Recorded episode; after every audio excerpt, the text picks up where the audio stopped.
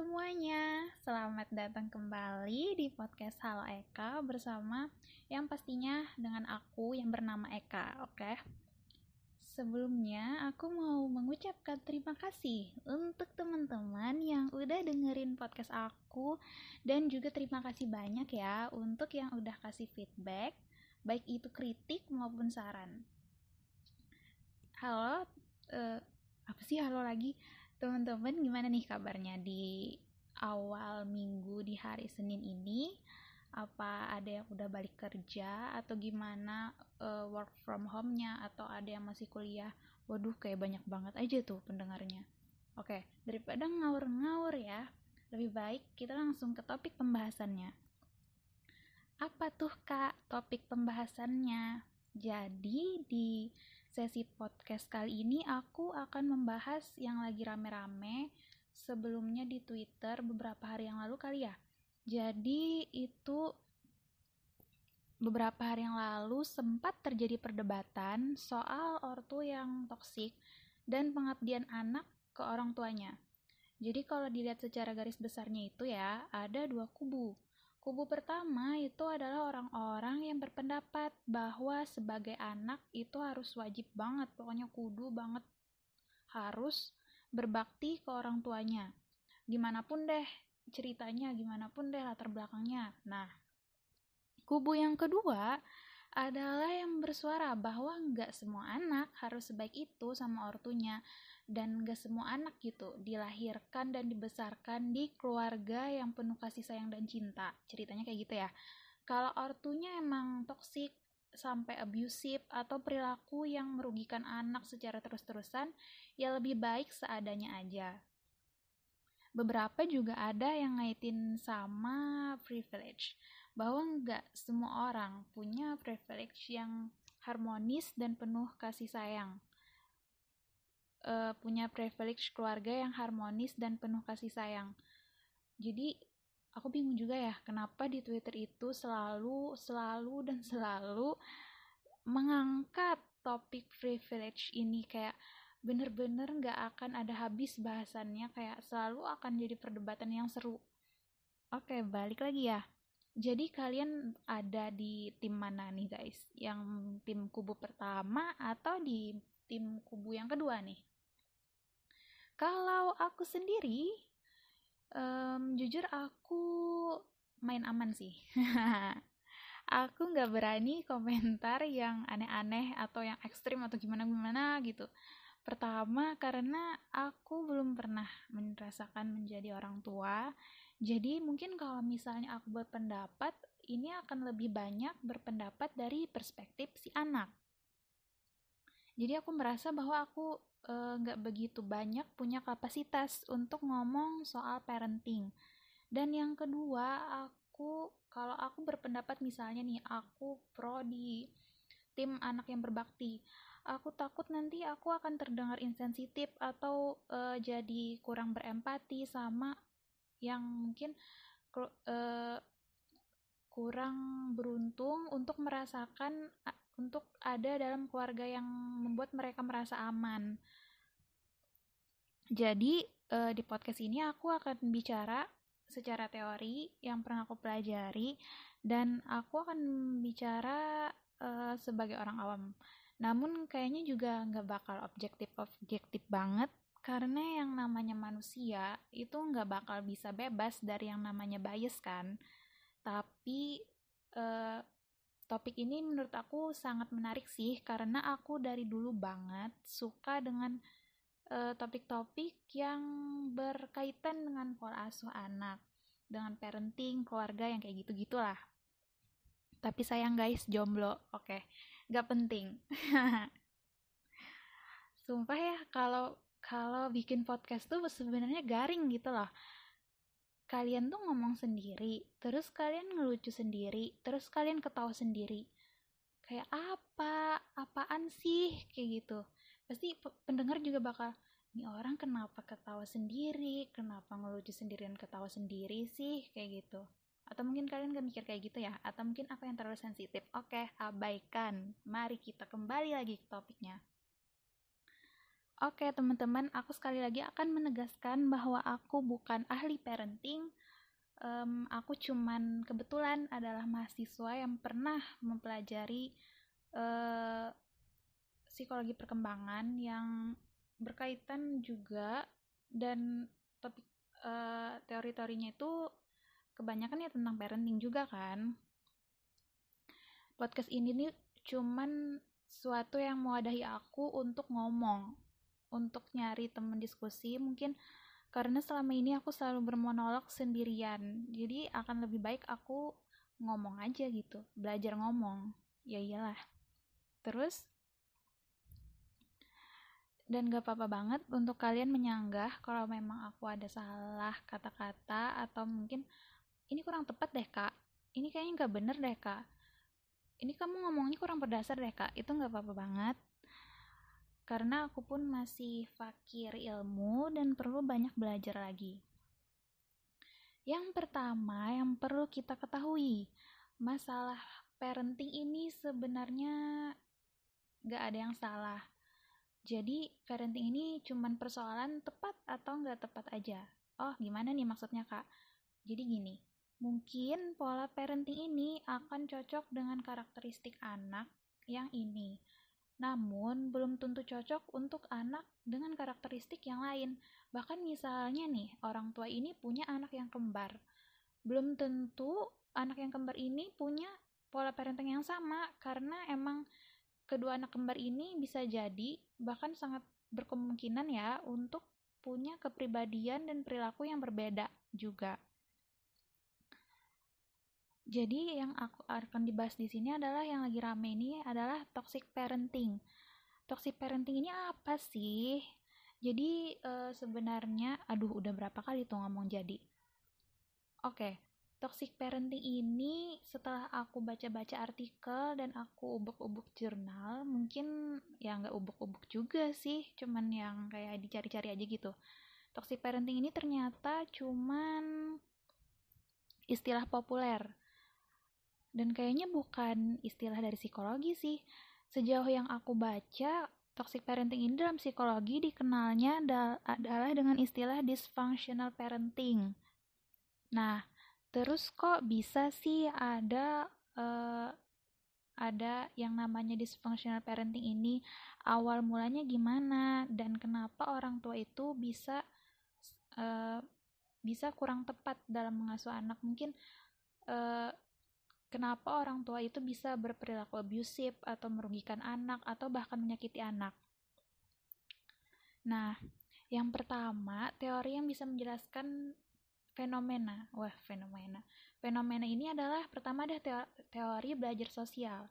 Pasti anak psikologi pasti tahu ya, teori belajar sosial ini lumayan populer dalam psikologi karena eh, eh enggak sih, bukan karena teori ini dipopulerkan sama Albert Bandura.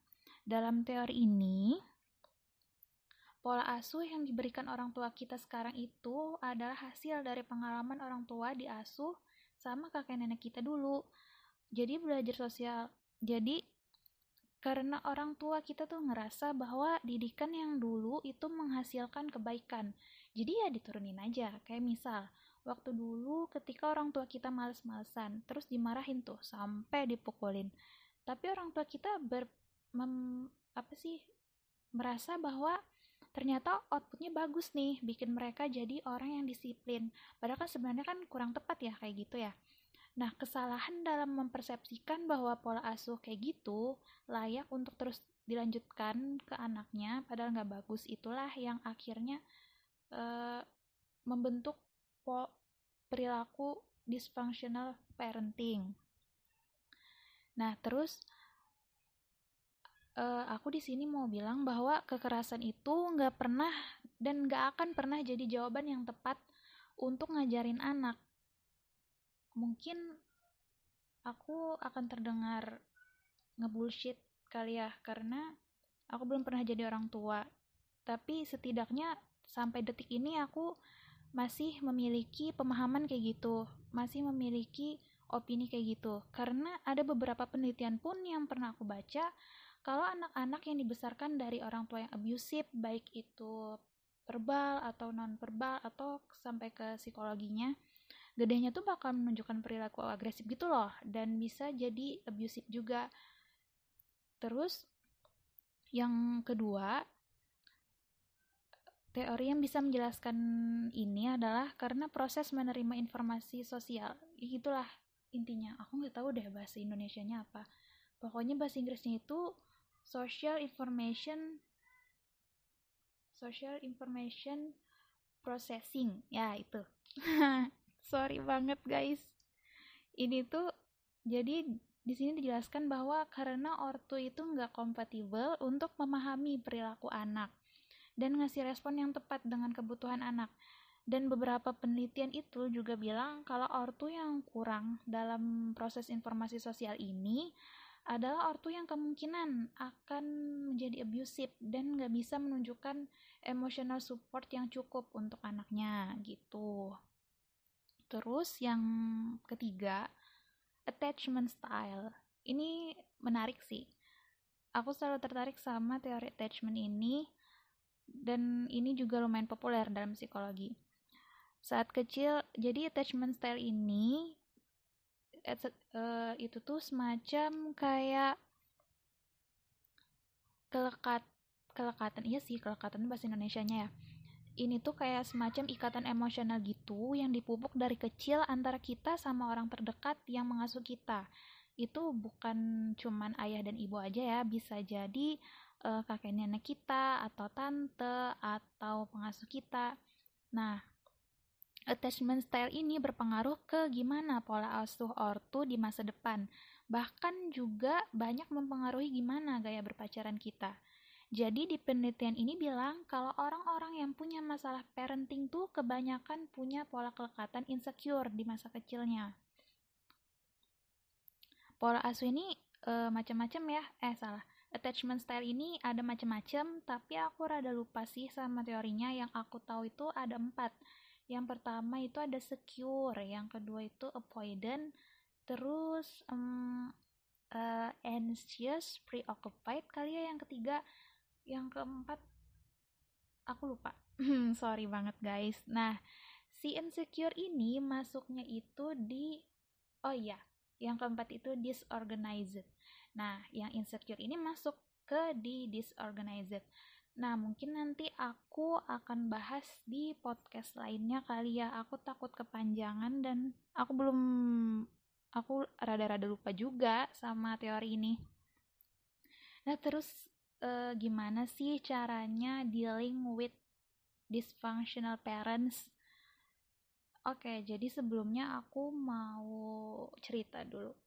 Bicara soal kekerasan pada anak itu baik verbal maupun non verbal atau menyerang ke psikologis anak.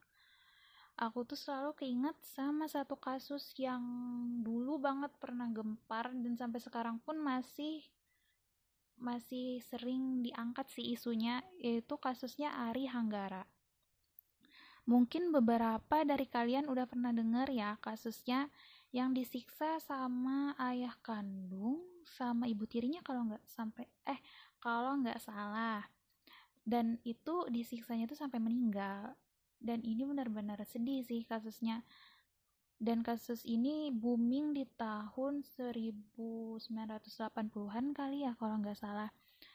Jadi bayangin aja tuh di tahun segitu kan internet belum semarak sekarang ya. Informasi itu belum yang gimana gimana belum yang apa sih menyebar cepat gitu. Tapi di tahun segitu kasus ini benar kasus ini tuh benar-benar bikin gempar satu Indonesia. Saking kejamnya kasus itu. Tapi kalau dalam kasus Ari, Ari Hanggara ini sebenarnya benar-benar kejam bukan toksik lagi gitu. Oke jadi balik lagi ya ke pembahasan selanjutnya yang aku baca-baca di beberapa artikel dan aku sering nontonin live Instagramnya psikolog terus aku denger di webinar-webinar gitu yang pertama gimana e, cara dealing with dysfunctional parents itu adalah dengan detachment. Jadi selain ada attachment, ada juga nih guys namanya detachment. Detachment ini kayak um, apa ya? Memberikan batasan tapi nggak memusuhi. Jadi kayak ya udah didiemin aja nggak usah ditanggepin diterima aja tapi juga nggak mengorbankan diri sendiri gitu loh. Jang, kayak jangan ngambil hati perlakuan orang tua kayak gitu. Karena sebenarnya orang orang tua berperilaku kayak gitu tuh bukan it's not about you it's about them. Terus juga disarankan untuk memberi batasan atau boundaries dan mengkomunikasikan apa yang kamu pengen dan kamu rasa secara asertif. Tapi menurut aku ini agak sulit sih kalau emang nggak dilatih dan emang harus pelan-pelan dan berproses, nggak bisa yang satu malam jeblak langsung bener gitu. Terus kalau saran profesionalnya bisa juga coba terapi keluarga ke psikolog langsung it takes time and efforts too but it's all worth it. Kalau menurut aku sih gitu sih. Kalau lebih apa sih lebih mudahnya. Cuman kalau dipikir-pikir ini akan balik lagi. Gimana cara kita mengkomunikasikan apa yang kita pengen apa yang kita rasa dengan baik ke orang tua kita? Nah Aku cuman mau bilang kalau kalian salah satu pendengar atau yang lagi dengerin ini ada di situasi ini, aku mau bilang bahwa ini bukan salah kalian kok dan jangan sampai hal ini malah mempengaruhi masa depan kalian gitu. Uh, trying to forgive and heal masa lalu emang gak enak banget tapi usahain bikin masa depan yang menyenangkan. Jadi ini bisa dimulai dari memaafkan orang tua kalian, sadar bahwa mereka pun juga punya trauma yang belum sembuh dari pola asuh sebelumnya. Dan jangan lupa, jangan pernah lupa untuk memaafkan diri sendiri dan jangan berpikir kalau mereka kayak gitu ya karena kamu. Intinya jangan nyalahin diri sendiri terus-terusan. Terus, mulai bisa dimulai untuk belajar parenting yang benar dari sekarang. Terus bisa dimulai dengan selektif dalam memilih pasangan yang bisa jadi uh, pasangan yang bukan hanya baik untuk kalian tapi juga kalian pikir baik untuk anak kalian nanti. Cari pasangan yang bisa diajak kerjasama dan berkompromi masalah anak. Yang satu value dalam membesarkan anak. Kira-kira kayak gitulah aku cuman mau bilang bahwa masa lalu tuh udah nggak bisa diubah. Mungkin trauma dan sakitnya tuh masih membayangi. Tapi jangan sampai bikin masa depan malah jadi caur. Terus usaha selalu usaha untuk jadi pribadi yang penuh cinta dan membahagiakan diri sendiri dulu. Berusaha dan belajar untuk uh, membahagiakan diri sendiri membuat diri menjadi penuh seutuhnya sebelum masuk ke jenjang pernikahan dan memutuskan untuk memiliki keturunan. Biar nanti nggak memproyeksikan unhealed wounds kita ke anak atau ke pasangan. Kira-kira gitu aja kali ya.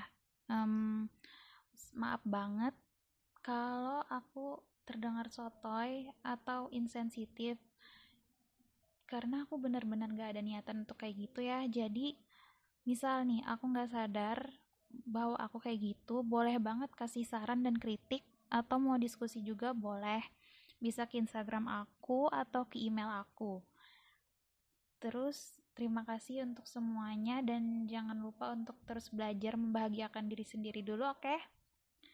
Terima kasih sekali lagi buat yang udah dengerin podcast ini. See you later on the next episode. Dadah!